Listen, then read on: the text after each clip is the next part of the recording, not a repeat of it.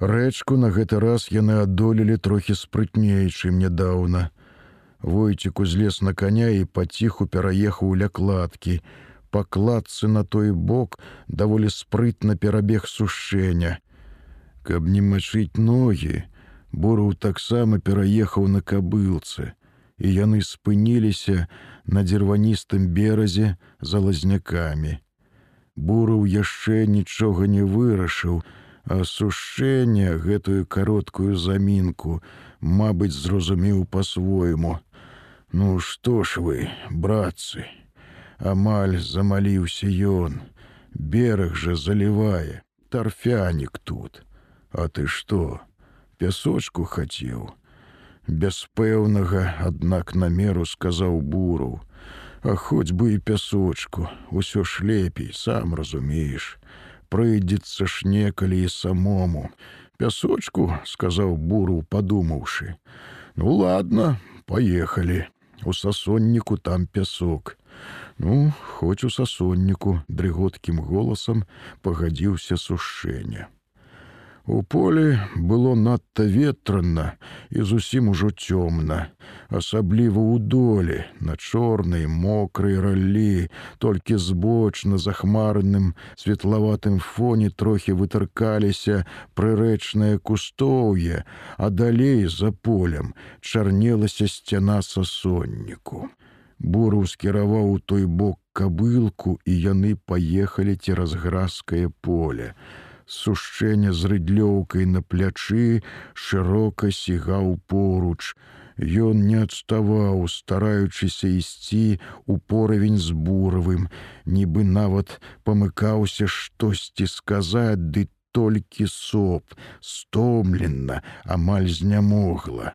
А бура, угойдаючыся з боку на бок на вострай хрыбціне, думаў, што, Мабыць, трэба наважыцца, прыдбаць упэўненасці, крутаватай рашучасці, мала што ён кажа, не вінаваты, але ж факты. Усе факты якраз супраць яго, і з іх самы жахлівы той, што хлопцы пагінулі, а яго выпусцілі. Ну што яшчэ трэба, якія доказы? Рэйкі развінчвалі разам з гэтым вось брыгадзірам пуцейцаў, і ён нават не адмаўляе таго. А чаму выпусцілі, растлумачыць не можа. Не знае, але за так не выпускаюць, гэта зразумела і дурню. А то знае адно цвердзіць, не вінаваты, не выдаваў нікога, але ж во, ідзе, ведаеш, куды вядуць і нават узяў рыдлёўку, а ідзе, не ўцякае, не спрачаецца, а ідзе, ці ішоў бы з такой пакораю не вінаваты. А можа, менавіта так пакорна і ідзе, што не вінаваты. Чорт яго ведае, думаў буру, пакутна адчуваючы, што ўсё ў ягонай галаве пераблыталася, што колькі не думай, усё роўна чагосьці не зразумееш. Так усё ўскаламуціла гэтая жахлівая вайна.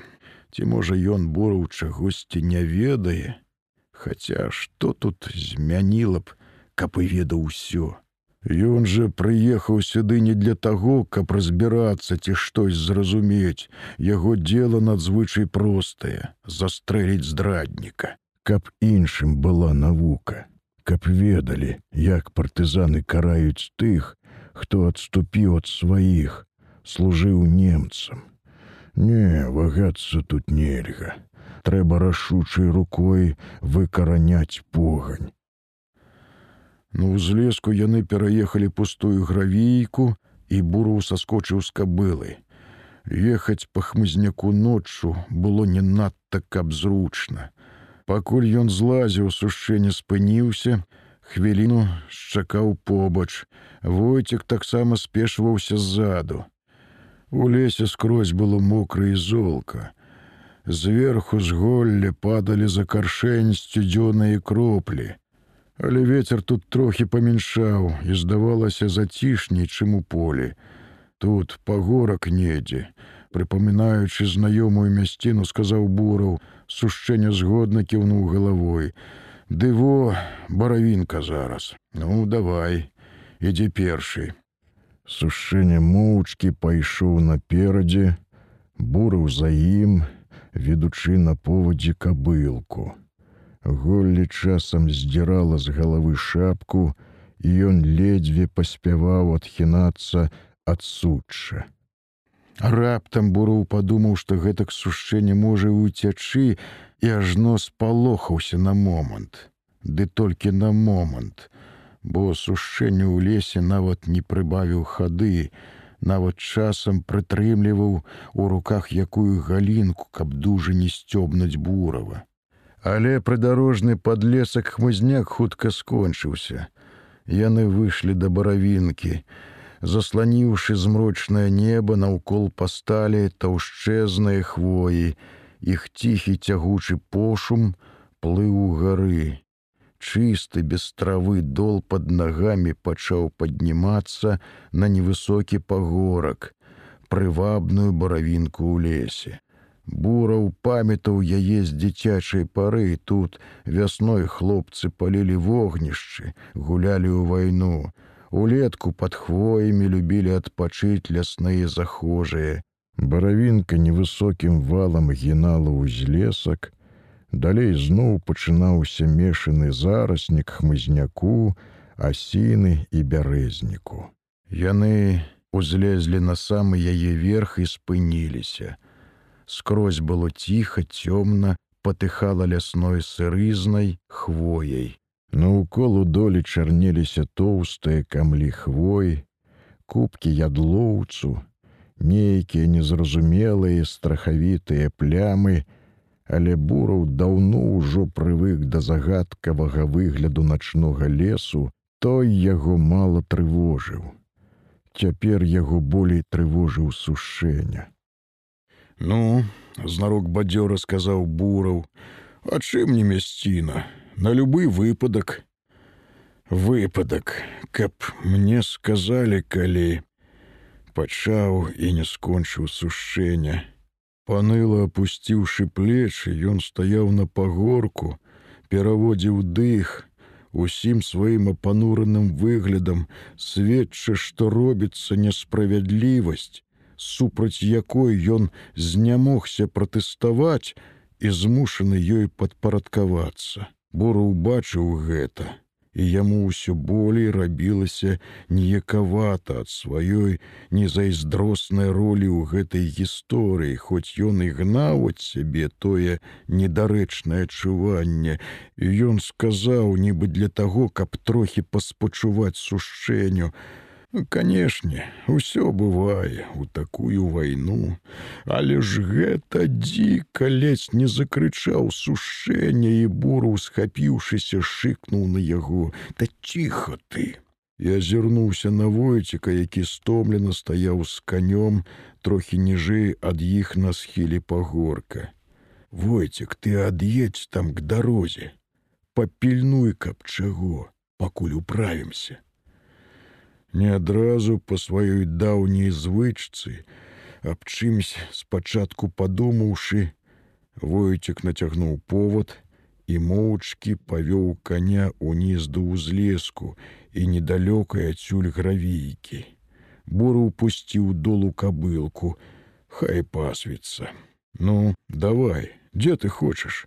Проста, як пра штось малазначнае запытаўся ён у сушэнні, той нібы ачнуўся ад задумення і сілай дзіўбануў рыдлёўкай умог там, дзе стаяў. Праўду сказаў гросмайер, у яго ўжо не выкруцішся. Ага, ужо і гросмайер нейкі падумаў буру. Вось так і высвятляецца. Ці не сувязь высвятляецца. Ён трохі адышоўся ў бок, каб не замінаць сушэнню, стаў на пагорку. Увогуле ён разумеў, што пагадзіўшыся завітаць сюды, робіць не тое, растранжыравае каштоўны час ночы, за які яны ад'ехалі б адгэтуль далёка, што заўтра як бы не давялося шыбаваць павідну каля шышанскага гарнізона, павідну пераходзіць шасейку. Але міжволі ён усё нешта адцягваў, абачліва знаходзячы для таго нейкія прычыны, і нават быў рады ў глыбіні душы, калі тыя прычыны знаходзіліся яшчэ і ў сушэнні. Моўчкі з нейкаю нават у партыі зацятасцю, сушэння тым часам узяўся капаць сабе яму. Адкінуўшы ў бок мох, ён дзёб хваёвыя карані, якіх мусяць тут была процьма. Паабсякаўшы іх, выкідваў разам з белым сухім пяском і ўжо праз некалькі хвілін да калень паглыбіўся ў зямлю. Яшчэ пакапае трохі і, мабыць, будзе даволі, са страхавітай рашучасцю падумаў бураў, усё ж трэба канчаць. Як гэта зрабіць, ён так і не надумаў за вечар, ці стрэльнуць яго ў яме ці над ямаю, страляць у грудзі або ў патыліцу, як лепш, ці можа запытацца ў самога. Ён не хацеў, каб усё гэта было бязлітасна са здзекам, хацеў, каб усё абышлося па справядлівасці і без крыўды. Усё ж свой чалавек, знаёмы вясковец, да яшчэ анеля і малы грыша, як усё тое агідна і не па-людску, хай бы каго паслалі яшчэ, который ўжо раз пачынаў злаваць бураў. Ты гэта хоць не кажы анелі, выпрастаўся ў яме сушэння часта і цяжка дыхаючы ад стомы. Што не казаць? Насцярожыўся бураў. Ды што расстраляў, скажы немца забілі. Пасля ўжо, канешне, дазнаецца. Там відно будзе, няпэўна адказаў бурыў. Дзівак чалавек падумаў ён пра сушэнню, які трохі перадыхнуўшы, зноў лёг у работу. Пра што клапоціцца. На пагорку ўжо вырас ладны пясчаны гарбок, які выразна бялеўся ў доле, хутка разрастаючыся ў шыркі. Сушэнне шчараваў, як маю быць, мусіць, сапраўды клапаціўся, каб магіла была не горшая, чым на вясковых могілках.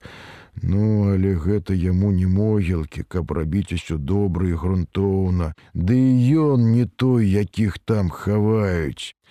Найперш ён здраднік, а затым ужо ўсё астатняе стараўся раззлаваць сябе бураў. Ну, можа хопіць, сказаў ён, ступаючы на пясок. Сушэнне задыхана азірнуўся з яміны. Закопваць многа прыйдзецца.